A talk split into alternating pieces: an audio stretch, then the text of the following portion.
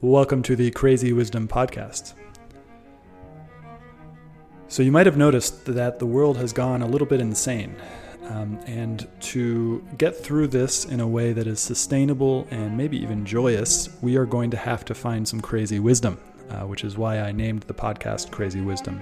And I try to find guests who are both contrarian and right, uh, as well as people who can help us to understand how we can get through this period of both acceleration as technology accelerates and maybe even a little bit of darkness uh, as well as some of you may have been noticing really crazy stuff is happening right now. So um, my goal with this show is to empower you with crazy wisdom uh, and give you the tools to figure out how to do it on yourself because we don't can't rely on too much these days. Uh, so with that being said, if you like what I'm offering with this show, I'm on Twitter at Stewart Alsop III. My DMs are open. I'd love to hear from you about how this show has affected you. Thanks. Have a great day. Welcome to the Crazy Wisdom Podcast. My guest today is Nikhil Verma, MD. He's a physician of physical medicine and rehabilitation, focusing on interventional spine and mus- musculoskeletal health. Uh, and uh, welcome to the show, Nikhil. Hey, thanks, man. I uh, appreciate you inviting me on, and it's been a long time coming. I think we have a lot to talk about. Yeah, and I, I interview. I did a little bit of an interview with you on Twitter. Just I figured out how to do interviews directly on Twitter, but I, I guess it didn't work out too well because I stopped doing them. So, but uh, but that was really fun. And I think the most the most interesting thing I learned from you was that you you got started to become passionate about the spine because you studied a the notochord or that was like your first class. Can you talk more about how you first got interested in the spine? Yeah, so um, I think what actually got me most interested, I think it, might be due to diligence to kind of go back from the beginning of when I started everything.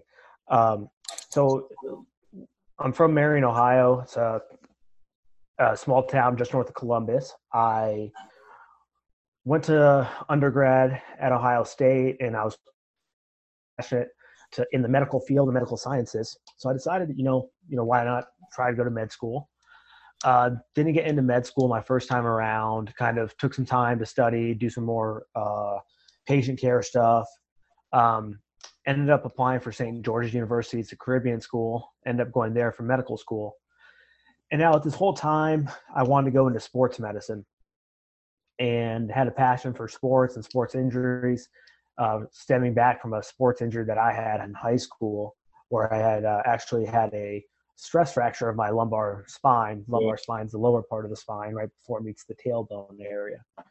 Um, so I was all about the muscle recovery and motor recovery and strength and conditioning, that kind of stuff. And I've been active in sports growing up as well. So in med school, you know, and about peak or your third year of med school, you need to start selecting which uh, field of medicine you want to go into. Well, if I want to do sports medicine path, the only way that I knew to get there was between family medicine pathway or a emergency medicine pathway. And family medicine was just a year shorter, uh, a little bit less stress, so I kind of chose that as my default my roommate at the time, he was doing a physical medicine rehabilitation rotation at a local hospital in Brooklyn that we both rotated at. And he's like, why don't you just join me for the month? It'll be fun. We'll both be there and you can learn some stuff. And I went there and it was just exactly what I was looking for in a residency because it was all about functional, helping mm-hmm. patients out. What were your functional gains after an injury? What were your functional gains after a stroke, um, neurodegenerative diseases, spinal cord injury, uh, musculoskeletal injury. So it was everything that I wanted. So the more and more I looked into it, I realized you can get to sports medicine through that route. So that was great. So that's how I kind of got into the sports medicine realm to start. And then as I was applying for uh, um, fellowships after residency, I realized sports medicine, a lot of the stuff that I was learning in sports medicine, I had already learned in my residency in physical medicine rehabilitation. So I wanted something that was a little bit more unique um, in the skill set that I could couldn't just learn in uh, residency. Now I say that with a caveat. I mean, there are tons of great sports medicine fellowships out there, stuff that they're doing such advanced things that I would not even be exposed to at my residency. But at least the most of the common conditions I was still seeing. And that's what I'm going to see most of the time in the community anyway. So I was kind of comfortable with the back pains, the shoulder, the hips, the knees, the elbows, the wrists. So I wanted to learn more about the intervention for back pain. So that's how I got into the deep dive of um, back pain causing chronic pain states or uh, issues like that. And I think our conversation kind of just went off of, you know, what what makes up the spinal cord and how it's made and how it's developed over time and that's where the notochord comes into play. And so, for my listeners, what is a notochord? So it's a good question. Um, ideally, uh, I don't like to look things up, but these are definitions that I don't have something off the top of my head. So I'll just give you a quick definition from the uh, websites. It says a car- cartilaginous skeletal rod supporting the body in all embryonic and some adult uh, chordate animals. So the chordate animals are uh, the genus species of animals that have a uh, vertebral column, a vertebrae, a spinal cord in itself. So the notochord is a very rudimentary um, function. As our cells start splitting, they actually involute themselves and kind of form the first portion of the the body. But the first one of the first portion to form is the notochord, and it's a hollow tube and all the embryonic tissue is starting to develop out of that tube uh, as we develop into a human. So, so there we, because uh, I, I was under the impression that a notochord. Okay, so oh, interesting. So the notochord is basically the blueprint for the spine, both in, in any in any vertebrate species. Essentially, yeah. Whoa and so we had notochords and do you know like the development of like when you know was it like first few days or first month in the pregnancy? Um that i don't know off the top of my head again but let's look at a quick sure. So these cells they they come from um you know the the pregnantation so it looks like about four weeks yeah. is when it it's there you have a fertilized egg at first, and that splits into two cells to four cells to eight cells to mm. 16 cells to 32 cells. Um, and then that starts developing more further uh, differentiation. Whoa. Okay. So, and what is the most interesting thing for, okay, for my listeners who don't know, there's a few different types of cells in our body. We've got nerve cells, we've got connective tissue cells, we've got epithelial cells, which are our skin cells uh, and then there's one more I'm forgetting. Um, but then there's all sorts of subcategories and all these different things. What's the most interesting thing that you know about nerve cells, or what what is like the most fascinating thing that you can think of about about the we have these cells in our body that conduct messages. Uh, what what like what is the inspiring thing that you know about this? I think it's just that that each of these individual cells are set on a pathway and this pathway isn't a it's it's essentially like a tree. The the plant you plant the seed for the tree and you let the tree grow into itself but the environment around it is going to affect that tree. If you plant that tree into a slope it's going to be at a little bit of an angle. If the sun is at a certain angle it's going to go towards that sun. So it's very similar to these cells. It's like this it's encoded for its pathway but there's so many external environment things that can influence how they grow. And that's why sometimes we get cancer. That's why sometimes we have mild genetic variances from person to person. Um, that's interesting. And so essentially, I think what I got from that is essentially there, you know, we have skin cells, we have muscle cells, we have all these other type of cells, but nerve cells are really the window between what John Vervaeke calls the IDOS, the structure that I have right now, and you know what separates me from outside is these skin cells and the membranes and then the membranes within the membranes. But then um, you know that the the but the nerve cells seem to be the window between my structure and, and your structure too right now because we're speaking via voice but then your my voice is transmitting over the the internet and then it, it's landing in your ears which then um, you know goes into the brain as well and and then creates something in you which then back and forth. Uh, so is that an accurate representation I, that is a it's a great way to think about it because uh, I agree. Our nervous system's the only one that can interpret the signals coming in, yeah. um, or at least the different cells can interpret it, but to actually decode it and make sense of it has to go through the nervous system.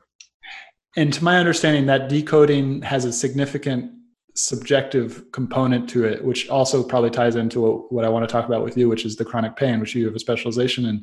There's um, uh, so w- what is that subjective component, and what do we know about that subjective component, and what what do we know about the objective parts of it? So uh, let's start talking about the subjective um, portion. So we have two types of pain that are um, relevant for uh, major conversation. And this is probably this is what's been in the literature for years. Hmm. There's nociceptive pain. So nociceptive means there's a painful stimuli. I poke myself with the pin. That pain is transmitted, and um, I, I, uh, it's a noxious stimuli that's transmitted, and I actually perceive it as something and I explain what it is. Uh-huh. Um, ouch, that hurt, that's painful. Now, the other thing is we have neuropathic pain. Now, mm-hmm. neuropathic pain is the nerves have some sort of pathology where the nerves are firing at a rate that they're not supposed to be firing at, sending up a painful, painful signal. Now, this goes all relays up to the spinal cord where there's a, a sorting system then it relays up to the thalamus where there's a sorting system. Then it goes up to the brain where there's another sorting system. So we used to think that it was very linear and it was predictable, but the more and more we start realizing there are tons of where areas where this pathway can get interrupted and get confusing. Interesting. Uh, and so it's funny because right now, you know, I've been today. Today, I've had some pain, not a huge amount of pain, but then uh, and in one area in my body and and it was and it so it started to speak up when you're when you're ta- talking about it. It's like oh okay that's that's happening to me right now. And so can mm-hmm. you talk more about the layers the what, i forget the word you actually used but the, there's a, sort, a sorting station in the in the spine. What is the deal with the sort the first round of sorting um, yeah. Yeah so um, i'm going to use the foot for example because it's was first described in rats and I think uh, it's easier for me to uh, understand that. So if anyone wants to look at the spinal cord and how it's uh, topographically laid out, um, and anyone sees how it's done on an imaging, you'll see that there's two portions. There's a um, kind of two ropes coming off the sides of it if you're looking at it from a top-down view. You'll have the back portion, which is the afferent sensory, and then there's a front portion, which is the efferent uh, motor portion. So that sensory portion in the back, you'll see a little knob. Um, it's kind of hard for me to describe, but uh, just kind of giving people a visual if they want to look it up mm. online somewhere. But that back portion is called the dorsal root ganglion. Now, that dorsal root ganglion, a ganglion is a, a cluster of cells that relay information, and it's kind of a sorting system. So, say in the foot that I step on a rock, the the nerves in the foot are going to relay that message up to the spinal cord first. Mm.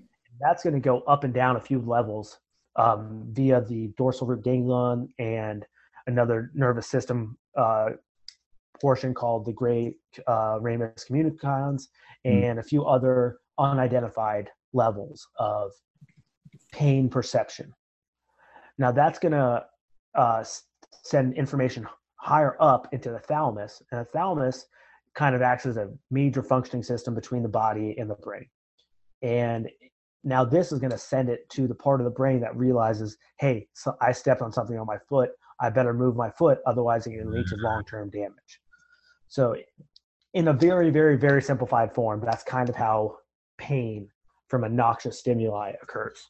From the the noxious stimuli, which is the the um, not the neuropathic, but the other one, the um, nociceptive. Nociceptive and yeah. so and then so me sitting here with my area that in my body that's always giving me trouble is not and there's no identifiable you know i lifted some weights wrong a long time ago but i don't really think it's that and it's kind of just all like um almost mystical but uh uh so you know i've got this this sensation but it's not related to anything that's going on in my mm-hmm. immediate environment so there's this there's memories is wrapped up in it what do we know about the the memory component of subjective pain and chronic pain so that is probably where there's such a big misunderstanding about what chronic pain is yeah. um, let's talk about you know you may you did have an injury back when, whatever it was, you know, why didn't it go away? It's hard to say. Yeah. But we start um, talking and thinking about pain as an amplifier that's on too loud. Mm. Um, so Dr. Clauw from University of Michigan gives a great lecture about this and how the brain signal, the amplifier is too loud. So you pluck that cord and it should sound in tune and rhythm. But if that amplifier is too high, you need to turn the amplifier down. That amplifier isn't where your noxious stimuli is or was in the past. Now it's the chords, it's the amplifier, it's the feedback in the atmosphere. It's all combined. Now, this is genetic components, this is environmental components, this is um, a big portion of. I want to say that it's um, psychological, not in the sense that it's all in your head, but it in the sense that catastrophizing and um, depression and anxiety they all lead in, and it's a it's a cycle that feeds into itself. So it's not one or the other. It's kind of um, it's not all in your head. It's real, but how you perceive it to be real could be worse than because you think about it and obsess about it.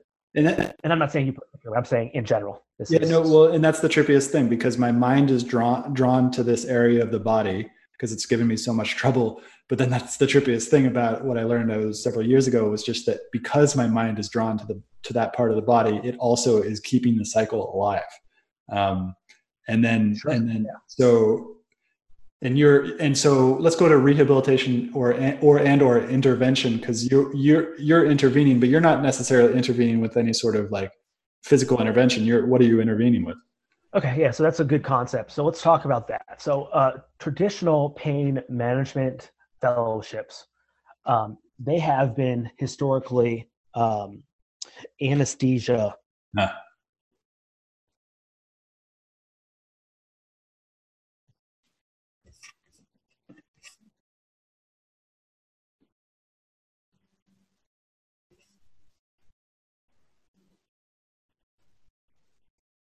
They can block a spinal, nor- a spinal nerve. They can block a peripheral nerve. They can block a nerve anywhere. Um, or they can give an epidural steroid injection to help the pain the nerve there. Or sometimes they burn the nerves in certain areas, or they give it uh, some sort of alcohol that kills the nerve. These nerves grow back over time, but you can that helps decrease the signal. Mm. And then we talk about giving um, a spinal cord stimulator or different kind of stimulators that kind of confuses the nerve signals. Now we can talk about that in a minute, but what ended up happening back in the 60s, 70s, and 80s is the whole opioid epidemics kind of started with the Sackler family giving lots of opioids and pushing doctors to give out the opioids, um, which was probably not the best thing to do because what ended up happening is we weren't really treating anything. We weren't really decreasing the pain, but we're giving people a break from their pain, if that makes sense. Mm-hmm. And that's why sometimes those don't work in the long term. About 20 to 30 percent of the patients in the in the U.S. probably do need opioids, but it's probably not much significant than that.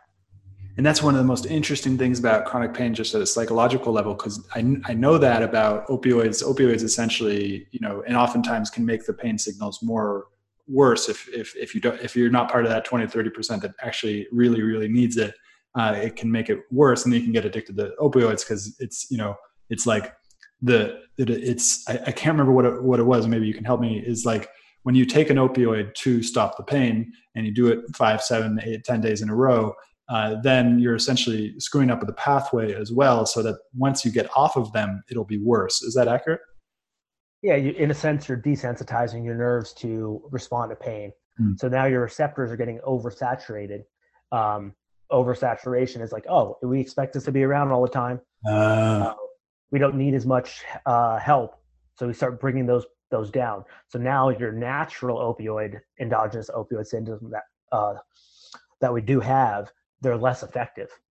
And so, and that was the, the the key thing for me and then you know i've, I've had painkillers before and sometimes they're just like great because it's like there's this you know this like period of intense pain and you just take this pill and it goes away but then that that thing's in the back of my head just being like if you continue to do this this will get worse um, and so how can uh, well, okay, so yeah, how can we uh, get better in touch with our endogenous opioids? How is like exercise? Are there any kind of like really evidence based ways that we can actually get into the um, yeah, stimulate so the? I think that's exactly where uh, my training kind of came in versus an anesthesia physical or anesthesia fellowship trained pain medicine. And my fellowship was actually coined interventional spine and musculoskeletal health.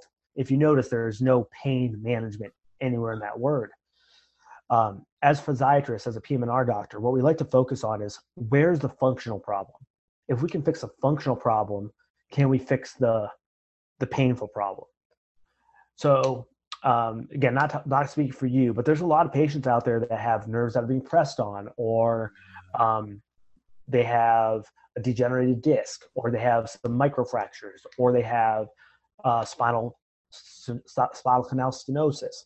Um, so, can we take the pressure off somehow? Can we fix that area, and then get them in a rehab protocol that helps them out? Um, if we can start doing those things, then maybe we could have broken the pain pathway before it even started. Mm.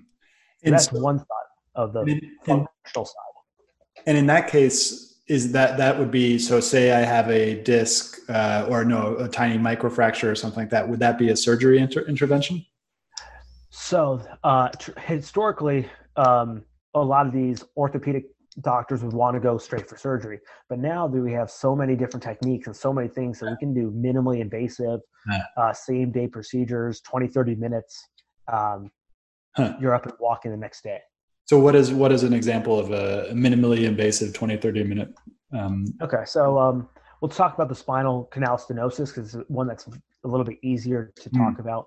Uh, what ends up happening is the disc will, it could be a lot of things. The disc um, gets degenerated over time, or there's a lot of instability, so the the ligaments around that area uh, get hypertrophied or bigger based off of uh, compensation mechanism what we do is we can come in from the back, uh, make a small cut midline, and place a device that's probably no bigger than, um, let's see, about. I'm trying to think of something that's a quarter uh, or no, less um, quarter. Like an say it's probably about bigger than a quarter, maybe a quarter and a half uh-huh. the size in in length, but the width is much is is uh-huh. like a dime. And then you put that in, and it's an interspinous spacer to open up the space that got collapsed down Whoa. from generated disc. Oh man, this this makes me want to talk about uh, uh, transhumanism. Uh, I'm not sure if you're if you're involved in. Well, I did see you you're posting on Instagram um, about um, uh, you know VR stuff, so maybe you are thinking about this. But uh, so I, I've, I think it's going to be so interesting the next five to ten years as technology comes into it. We start to kind of have more options than we used to. And what you just said was really interesting because that sounds like something I would want. I wouldn't want surgery. Um, well, but that doesn't. It, it, does involve a little bit of surgery because you're you're you're cutting something, right?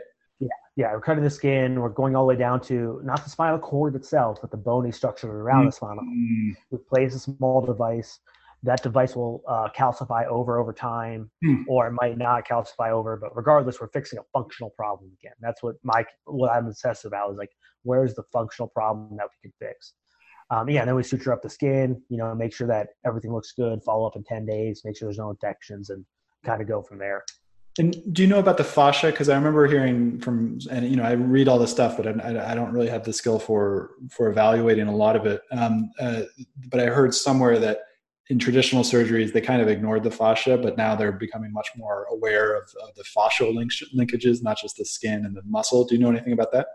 Absolutely. I don't know much about uh, what you're referring to directly, but I, um, either through my own uh, bias or what I read, I think that the fa- the fascial portion has a lot more to do with pain and pain syndromes mm-hmm. than we once um, initially thought. Hmm. And I think it's uh, that's why a lot of people and or at least my opinion is a lot of people say that motion is lotion. The more you move, the the more you can remain mobile, the better it is for your joints and the muscles and that chronic low level pain that a lot of people may have. Eh, but there's there's too much movement as well, right? You can move too much. Yes. Yeah. Oh, absolutely. So yeah, I guess for those hypermobility people that have do have chronic pain, um, too much movement would be wrong. So they need to have a different type of movement. Um, that's something I'm not an expert in, but it's they're they're uh, unstable. So the instability leads to pain. So they have to mm. focus a little bit more on getting tighter muscles. Yeah, uh, which is much easier said than done.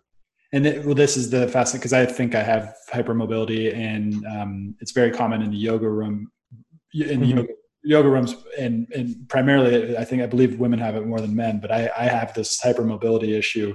I can't tell whether I trained into it and I, uh, with yoga because I was training with women who had hypermobility and they were training me how to do hypermobile stuff, or whether I had it uh, or before then. Um, I think I already had it before then, but. Mm-hmm. Um, but so stabilizing the muscles so and then and then that led me into weightlifting and weightlifting is blowing my mind and I, I want to ask you about the evidence but first i want to just share my experience which is like that I, I remember from this one yoga teacher jules mitchell who also got her master's in in sports medicine i think and um, or not sports medicine but some sort of sports thing and she talks about how the first 8 to 12 weeks of any sort of um, weightlifting program is primarily uh, neurological. The first eight to 12 weeks are neurological gains. And then after that, then it's muscle gains. Um, but it's, it feels like for me, it's been like a year of neurological gains because there's some sort of strange thing with my connective tissue that's hypermobile and my, my spine and then my brain. And like, um, so, so what do you know about that whole thing about weightlifting, the evidence behind weightlifting for chronic pain and all this different stuff? So uh, as far as evidence is concerned for chronic pain, um, this is the way that I usually explain it is that people that um, lift weights, they can tolerate a higher amount of pain, but not for a sustained amount of time. Versus uh, endurance athletes, they can endure long amounts of pain, but not a high amount of pain. Uh. So it makes sense, kind of in, in a you know barbaric ways. Like, okay, if I'm lifting a bunch of weight, I I can tolerate that. But if you ask me to do something repeatedly for a long time, I'm gonna get run run down very easily. Huh.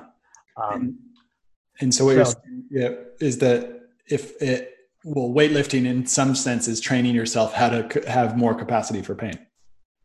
And that's my belief, and that was my interpretation of the study. Mm. Uh, and I, I, I kind of think the same way as um, as you're thinking is the more and more you can not the more the heavier you can lift because that can sometimes be dangerous but putting your body through a strenuous weightlifting program can teach your muscles and joints to function in a different way. Mm-hmm. and also you can tell your brain is like hey i'm not under danger. I'm not under threat. I'm i'm actually fine. This is just uncomfortable. It's not impossible. Which is is so funny because that's like yeah it's, it's it's just another point in the favor of you know um exposure therapy is a really really great way of therapy. And it's the same it's not only for you know weightlifting and exposing your muscles to greater greater levels of, of, of activity but it's also uh, you know talking to strangers or dancing mm-hmm. or just anything that like it's yeah. you just have to do it over and over and over again in order until it becomes like normal absolutely yeah pain is so intertwined with the um, amygdala uh, mm. and there's a portion of the brain that I it's a ventromedial uh, thalamus, I think, um, and a few other portions of the brain. And these are the portions of the brain that kind of link in and store this memory. You'll see them really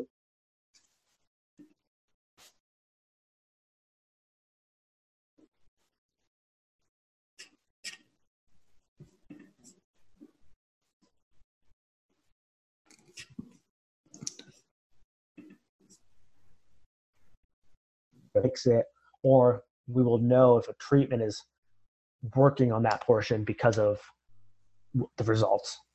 Interesting. Um, and it, so this all happens to do it like also because that it's not only the pain signals also come into it, but it's also just like our homeostasis kind of stuff like hunger, fear, thermoregulation. Um, and it, so pain is wrapped up with all of those as well is like all all the things that we do and that's the that's the thing i'm trying to understand how and maybe how does the brain develop this unitary picture of everything that's going on um, and you have all these parts and everything like that. But then there's this, this the, the brain has this like unitary thing that just like is like solid and holistic and everything like that. Um, and this might be out of our scope. But what do you what do you think about that, or do you know do you follow anybody who talks about that, or? So, uh, you know, I I'm not sure about that. I think I've been following uh, Andrew Huberman a lot. He's a PhD out of Stanford. He does a lot of research out of there, um, and I think he's fascinating. I think he's very science driven, um, and he tries not to put too many too much uh, bullshit out there. So it's kind of good. So he taught. He had a podcast. He just started his podcast sometime earlier this year, and he goes in a month long deep dives about different things. Huh. So one of the things he's talking about is kind of uh, anxiety and fears and stuff. And I think that month the pain module fell into it. Hmm. Um, and I listened to it. And it was pretty good. Um, so that might be something that listeners might be want to look into. Interesting. Uh, but I think in the alternative senses, and I could be way off, um, but you know, our brain is meant to have homeostasis or the best portion of best ability to uh, keep homeostasis as much as you can. So if there's a signal that's going haywire somewhere, um, your brain recognizes it. And now, are you recognizing it because there's a faulty mm. wire, or are you recognizing it because there's actually painful stimuli? Mm. Um, I think that has something something to be said overall. And that that reminds me of the there's like a, a not a parable, but a story that you keep on hearing if you if you go into meditation stuff that um, uh, you know mistaking the uh, rope for a snake. So mm-hmm. you know, like, and and it was in our evolutionary benefit to mistake the rope as a snake because it's better to be safe than sorry. Um, and uh, but at the same time, like, if we're trying to live in these modern live lives when we've got instead of you know snakes everywhere, we've got you know like deadlines and and and you know things all the time that are kind of stressing us out but it's all this kind of ambiguous way. Um, and so there's just like our our amygdala is like is so and also i think a lot of it has to do with just being out out of natural environments being in environments that are more um, uh, human constructed. Um, although there's a sense that even nature at this point point is uh, definitely heavily influenced by human human nature as well. Right. Yeah. Right so I want to offer you two options for where we go to. First would be going back to that transhumanism question and thinking about if you're if you're on that train, if you're thinking about the way that humans are going to start to modify their their bodies and and merge it with technology, or the other one is actually they're they're related is the um, kind of alternative medicines. Uh, things that people have been doing for thousands of years or things that people have made up but aren't within the allopathic model um, what do you want to talk about I think uh, this. Let's start with uh, the transhumanism because I, it's um, uh, passion, not passion of mine, but it's a passion of many people out there. So, what we're starting to uh, realize, and this has been going on for 20, 30, 40 years, um, is this neuromodulation. Huh. So, what we're doing, we're literally changing ourselves. That's you know the breaking down term of neuromodulation, huh. changing the nerve cells. Now, it was made famous by uh, the spinal cord stimulator studies by Melzack Wall. Uh, this was back in the 60s or 70s. Let me just double check. And it's it's based on a, um, a let's see um, a gate control theory is what they call it. Is that uh, let's talk about what a spinal cord stimulator is first. So, spinal cord stimulator in layman's term is they put a, a stimulator, a buzzy machine, in the back portion of your spinal cord, yeah. um, just on top of the portion where the spinal fluid sits. There's a little uh, potential space there. now we put the the stimulator there and we turn it on and it causes a buzzing sensation. Now the buzzing sensation decreases the pain signals going to your brain. And they used to think like, oh, cool. It must be because of this gate controlled theory that if there's a buzzing feeling coming in, then there's no way the pain signal can come in too because it's too busy. Huh. So that's what they thought back when um, it was first kind of uh, discovered.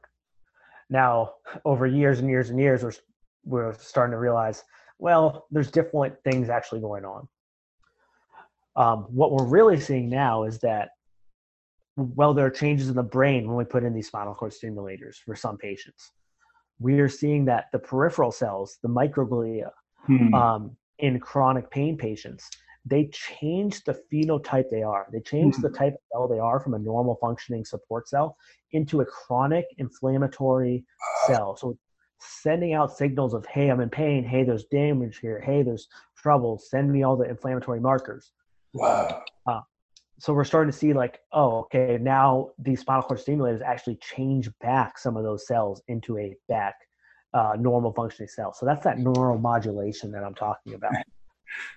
And so, what do you see the future of that? Where where where is that going? Does that is that does that go to the, towards the elimination of chronic pain? For certain people, um, it does.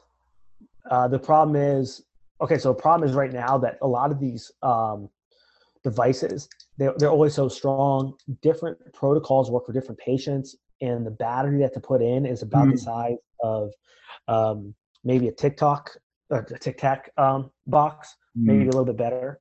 And they have to implant that into the body too. Um, so sometimes that, that battery can burn itself out in five to seven years. Most of them now last about 10 to 12 years, but uh, it just depends on what mode you have it on. And then the different companies have different patents on different wavelengths and waveforms and how high the frequency can go. And um, there's one that I find super interesting is when we're standing up, our cerebral spinal fluid is one way. And then if we cough, it makes micro adjustments in the spinal fluid if we lay down one of the companies has a patent on how it can adjust that uh, ratio of how close it is to the spinal column and not. Some of the patients are saying like, yeah, it works great when I'm standing up, but it turns off whenever I lay down. So now they're realizing why. Um, I think in the next five to 10 years, they're going to get this pat down so well that they're going to know exactly if, the, if they know what's causing your pain, then they can give you the right protocol for you and make it work. Oh, that's that's really interesting. If they know, so because I know I know a lot of people, and this might just be who they end up going to see, just can't get resolution for their pain. The, the, the doctor just doesn't know what to do. How like what is the rate at which we know uh, this stuff? Yeah, that's so that's tough to say because uh, you'll read different studies and different studies say different things, um, and then a lot of these uh, studies are industry driven. So the spinal cord uh, stimulation companies, um, they make a lot of money. The reps make a lot of money. A lot of the studies are kind of supported by them. I'm not saying the studies are false because of that, but it does have its own bias built in because of that. Yeah. Um, but I say at best case scenario, you have 60 to 80 percent of patients uh, reducing their opioid medications long term or coming off them completely. Um, about 10 percent of patients are just like that didn't work. I can't believe I'd had that done. Um, and then the other 20% of patients like, yeah, it worked for a couple years, but then kind of stopped working. So hmm. and, and we do do a trial period. We do it for about seven days to see if they're going to respond well to it or not. So interesting. And then, so looking forward, it seems like there, there are large regulatory barriers, although maybe not for devices, because I've, I know that there's some sort of loophole within devices that actually got stuck in. I had a bad experience with it, and that's part of the reason I have chronic pain is the I had uh, Invisalign, and and Invisalign uh, if uh, is prescribed by orthodontist and it's prescribed by dentist, but they don't really do a lot of the training for the dentist to make sure that they they know what they're doing when they're moving teeth. Mm-hmm. Um, and so, and it's like in this, the FDA has a loophole for for uh, for um, uh, medical uh, devices that they don't have for pharmaceutical. And so that's it's an interesting thing but and so but there there's regulation and then there are people who are kind of messing with their own body. Uh, do you know any of any doctors who are who are also a sense biohackers or people kind of doing experiments on themselves doing experiments on themselves um, i know of tons of doctors that try just about everything as well um, and i tried it The I've tried a lot of things. You know, obviously, I haven't yeah. been able to give myself a spinal cord stimulator or something like that. But um, if there's something that's reasonable and I can get it online, um, like legally, then I there's probably a good chance I've at least read enough about it or tried it. Yeah.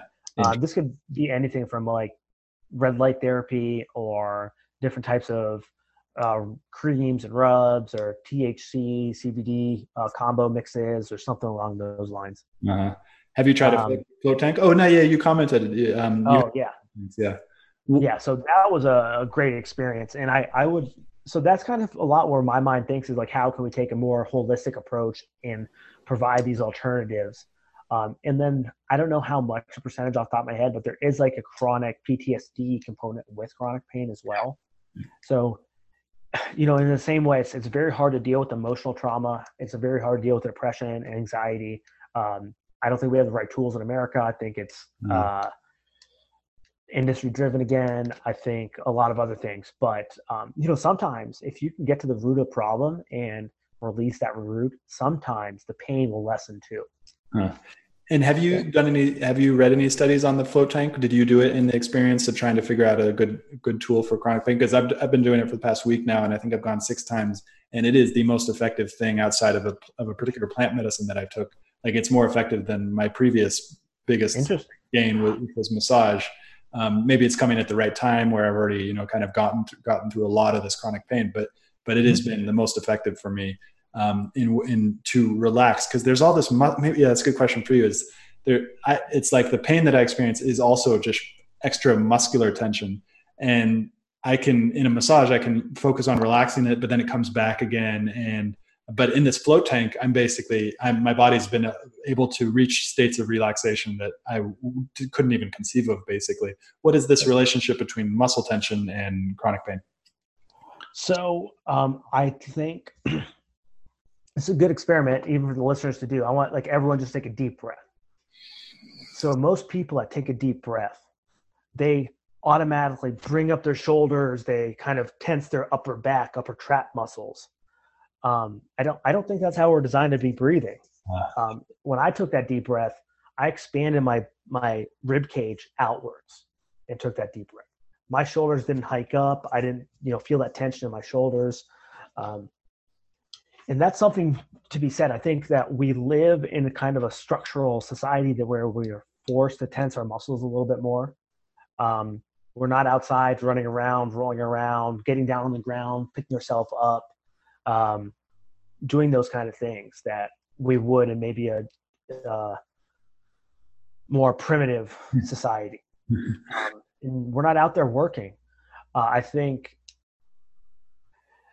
this, a lot of the studies were showing that people that were physically active up to a certain point were much less likely to have back pain long term versus huh. those that worked very very hard or didn't work at all huh.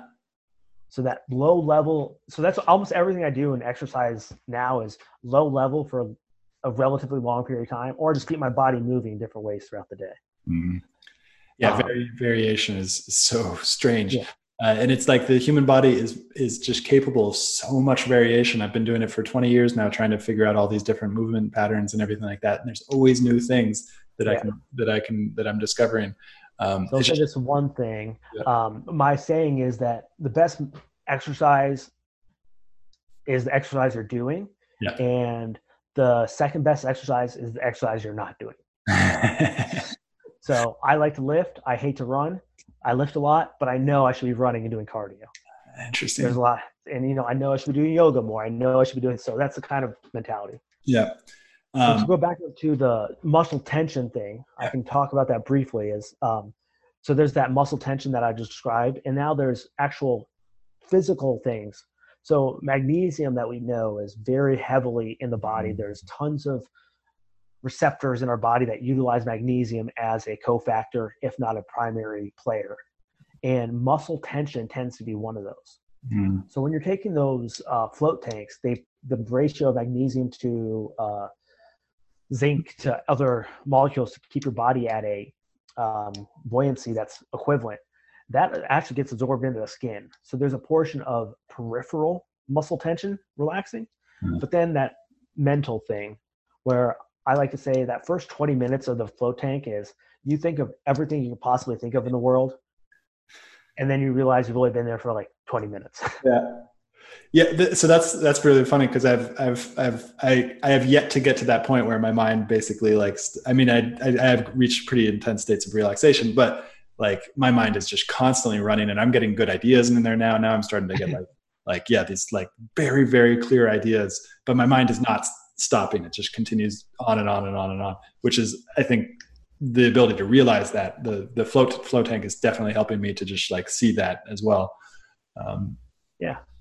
So there's um so i think this is multitude as well. So i think there's a portion of the uh magnesium that plays on the uh, NMDA receptors.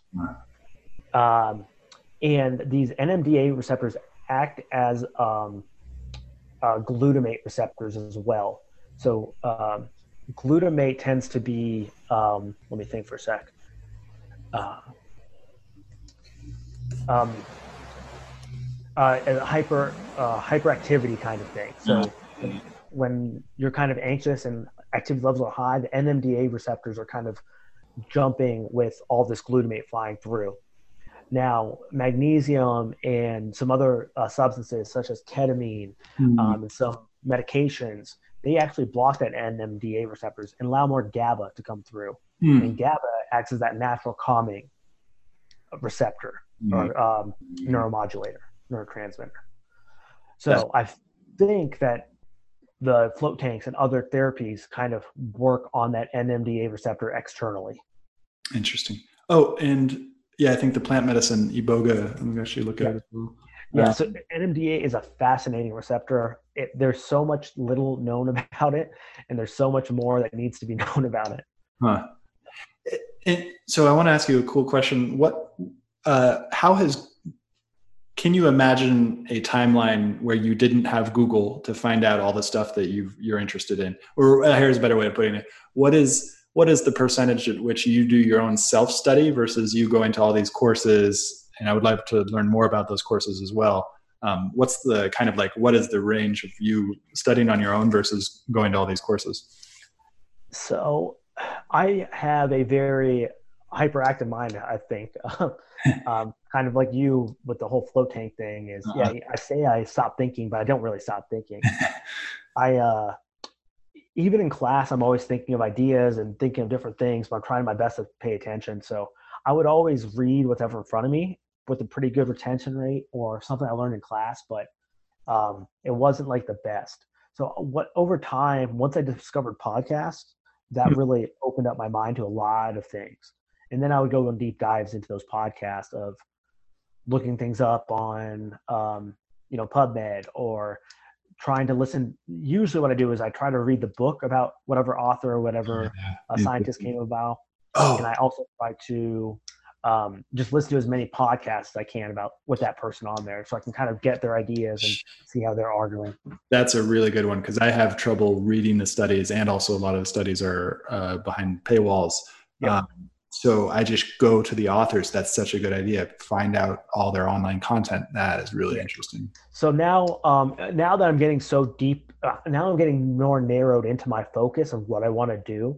Uh, and a lot what I want to do is comes down to what we call regenerative medicine or stem cell medicine for chronic mm-hmm. pain or different pain states. But I'm also interested in neuromodulation. So I'm trying to go to these conferences, get there in person, ask the questions live time uh, get some more hands-on training and that kind of stuff. That's really interesting. Let's talk more about that for the maybe last 10 minutes, 15 minutes or sure. so. That what is the what is the potential for stem cell regenerative medicine for chronic pain? So if we want to talk about the potential, I think um, well, I think there's a something I briefly want to say before that. So I think this is why uh, the future of all this medicine is probably going to be plant medicines uh, or these uh, psychedelic medicines between ketamine, um, psilocybin, uh, LSD, or some of the derivatives, because a lot of these things are disassociating yourself with the pain. Yeah. With a trained, uh, you know, guide or a trained psychologist or psychiatrist, or whatever uh, we end up choosing, I think that would be a huge win for the chronic pain world of dissociating what we think pain is to what we feel pain is. Mm. Yeah. Um, so that's just a caveat. Um, you know, I've talked to a few people and they agree that um, it, it has some somewhere to be played in this whole pain yeah. world. so now if we're talking about stem cells, this would go back to like what I'm passionate about and talking about functional problems. So for back pain, um, a lot of times we treat back pain as a uh, arthritic problem, but we kind of ignore the disc because in the past mm-hmm. we didn't have anything to, to treat the disc, and the treatment of the disc was really poor. Mm. We could replace the disc. You know that may or may not give you pain relief. We could um, burn the disc, the nerve ending in the disc, but that causes its own cause problems down the road. So now, if we start thinking about, hey, what if we inject some stem cells into the disc? Uh, if that is what your pain generator is, then what does that what results from that? So we're I'm starting to see that a lot of people are doing this for discogenic pain or back pain, and they're getting good results long term. You know, 24 months plus. And so, so it, so the and uh, from my studies, I remember there's two types of stem cells. There's embryonic and there's adult. What are what are the what, what are the characteristics of the stem cells, and where do the stem cells come from that they're putting? Yeah, that's a good question. Um, so yeah, embryonic stem cells usually derive from the embryo. Yeah. Um, those, you know, very seldomly are actually used for um, drug therapy in uh, America. It might be used other places. Oh, interesting. Because they actually have to take out the stem cells of some of those things. So, uh, and we can only do stem cells um, in our own person. So, if I have to be my own donor for stem cells right now. Interesting. So, what we do is we can either take it from fat. It's actually not the fat cells itself, it's these pericytes. Um, these pericytes, they're not spelled as a parasite that's destructive, but uh, like a peri next to site. Oh. a parasite yeah. like site like cytoplasm, but pericyte. Yeah. yeah, exactly. So it's it's actually attached to the fat cells, and what you do is you derive those cells off the fat. You mix it up, minimally uh, adjust it, uh, filter it down, and then you inject it into the painful areas. Um, those fat cells, they they uh, have some stem cells, but we the number we don't really know. Hmm. Um, I mean, we do know. I should take that back. But the studies of fat is kind of uh, in its infancy. But if we're talking about bone marrow, especially for younger people, we have tons of stem cells in our bone marrow. Usually, you get it from the iliac crest. So if you put your hands on your hip, hmm. right about where your thumb lands, um, we would use some X-ray guidance to drill down to the bone and take out, uh, mm. you know, about three six three to six cc's of of fluid and cells, and we spin that down, and just depending on where we're injecting, get out different amounts, um, or uh, different quantities. Mm. And can we? Are we at the point, or will this ever be, where we can stimulate or synthesize stem cells without getting them from human bodies? We, I, I bet we are. Um, I think there's a lot of legal red tape and mm. a lot of fear of that. Mm. But I do know that um, in America, if I were to give my bones, uh, my cells, we're not allowed to manipulate it um, more than a very little amount in that day. Mm. So in Germany or in um, mm. in Costa Rica, you can take these stem cells and you can grow them and grow them and grow them. Come back a week later and then inject them into into yourself. Whoa. So a lot of people in California are starting to, to house their bone, uh, their stem cells, because in the future they might want to use it. Huh. Um, but that's not legal by the FDA's accord right now, so they have to wait for the red tape to fall off that. Um, I think they can use it for other things. Or you could travel to Costa Rica and have them do it, right? Yeah. Um, hmm. And who, who's to say which is better? Uh, you would think more stem cells the better, but I think some studies show that that's not necessarily the case. Huh. Um, so there's a, a lot of this is still kind of in its very young, and I I lean on the more conservative side of this, even though I'm passionate about it. Well, and that's the crazy thing because it's like it seems to me that where we're headed in terms of technology and society is just like the pressure to to to to move forward with a lot of these things is probably going to be pretty high.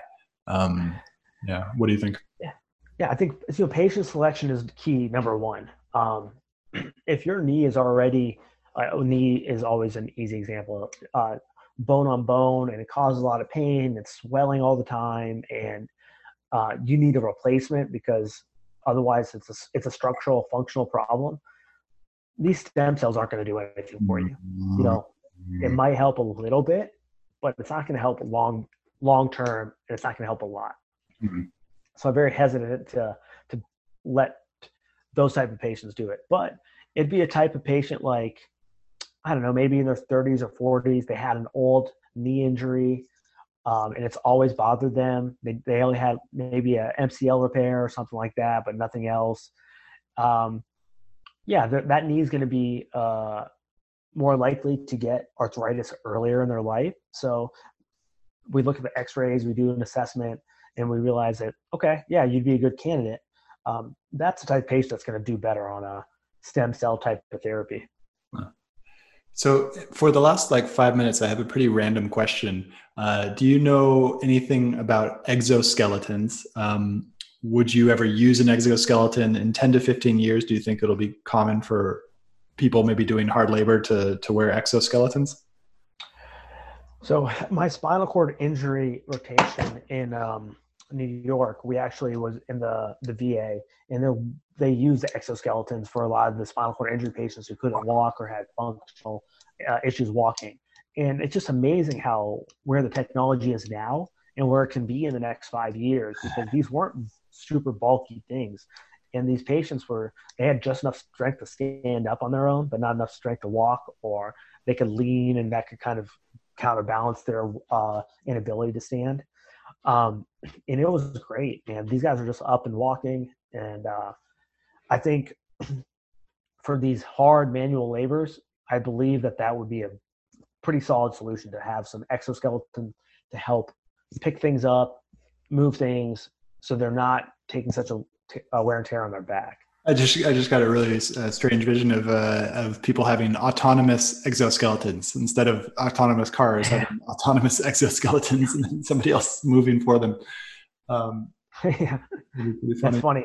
See a society instead of them walking their dogs, like yeah, remotely controlled. Um, would you ever use one? Would you? Would is there any like possible like eh, like maybe even is do you think there's ever going to be a consumer exoskeleton that I could buy to help me like learn how to weightlift or something? Um, do I think there will be an uh, consumer for sure? I think there are people out there enough that would even just want to buy it just to have it. Um, now, to teach proper lifting techniques or something like that, um, that is something I could foresee. Mhm. But I think where the problem would be is um, kind of how you're talking about those neural pathways wouldn't necessarily be put down as appropriate because proprioception is our ability to know where we are in space. So I feel like if you had an external device teaching you, then you could lose a part of that proprioception.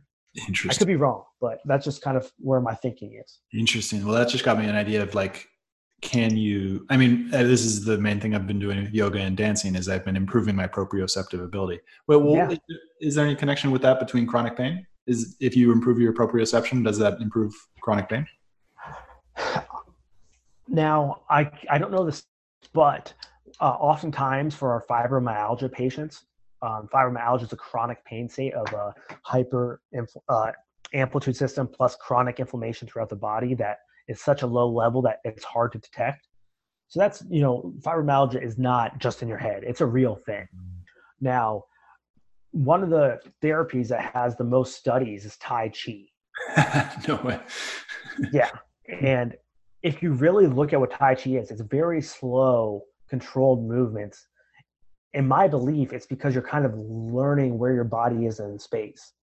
I have a belief that that's why Yeah. it helps with pain, Interesting. plus the mindfulness portion of it. So, Hmm.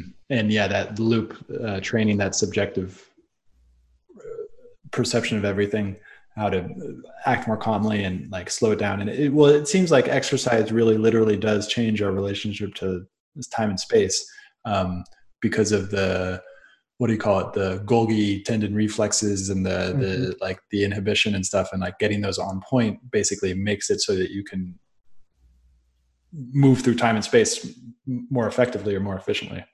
absolutely. Yeah okay, cool. This has been awesome. How can people find out? Well, actually, no. I want to, I want to ask. There's one more thing I wanted to ask you about about the VR. What's your kind oh. of thing about VR, and what do you use it for? So um, there's two good segues to this. So I like it because I think it's the future of medical education for both uh, other doctors that are trying to learn techniques and learn maybe a procedure that they had never seen before or have never a chance to see because these can be recorded um, either cadaver labs or on actual patients with the world experts in it. Um, so there's that portion, but there are also teaching patients like mindfulness techniques and chronic pain techniques and exercises. Um, it's also teaching patients like they can be in the.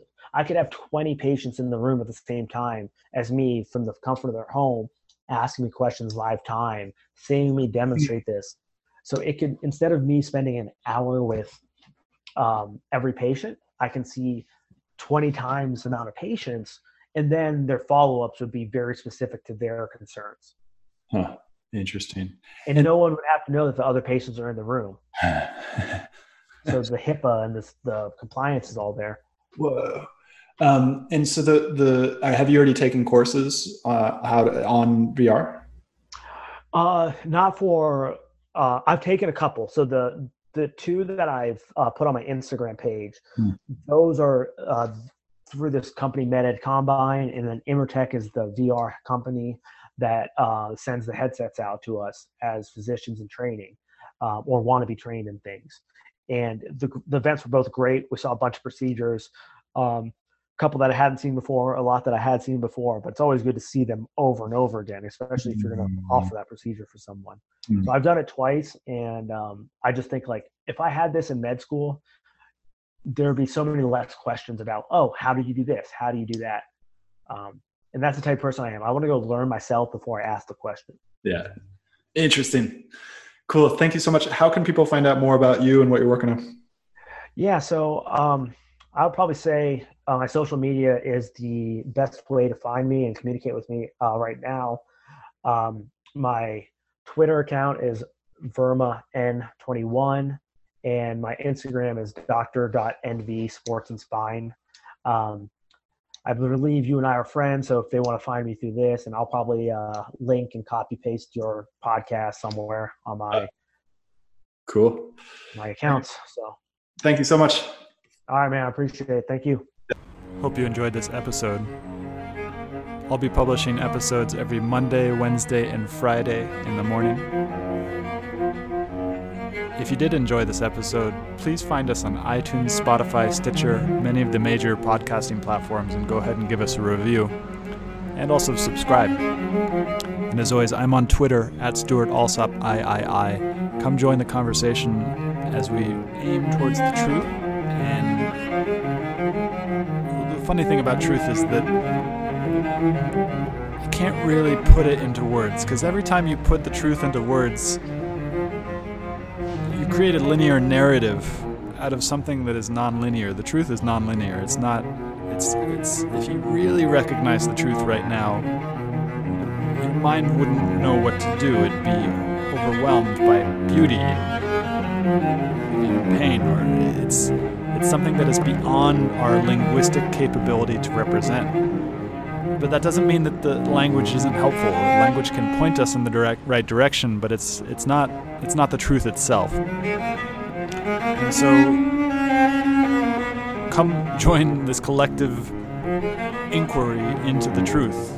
Find me on Twitter at Stewart Alsop III. Uh, subscribe to the podcast. Share the podcast with your friends. Uh, most people don't have the ability to let go of this linguistic understanding of the way that the world works and just aim for the truth regardless of what the language tells us. Uh, and so I think what I'm doing with this the show is is necessary for us because as we enter this stage of uncertainty uh, and we are most definitely entering an age of uncertainty. And as we do, it's really, really important that we stop paying attention to what the mind is telling us all the time. Doesn't mean to say that the mind doesn't have its place. The mind obviously has its place, but it's just one of the senses. It's just one of the tools that we can use. We can use the mind, we can use the feelings, we can use our actual senses. Uh, we can check our intuition with other people because sometimes the intuition tells us the wrong thing as well. Sometimes the intuition is wrong. So it, we can't we can't rely on any one tool to get us there. So come join the show.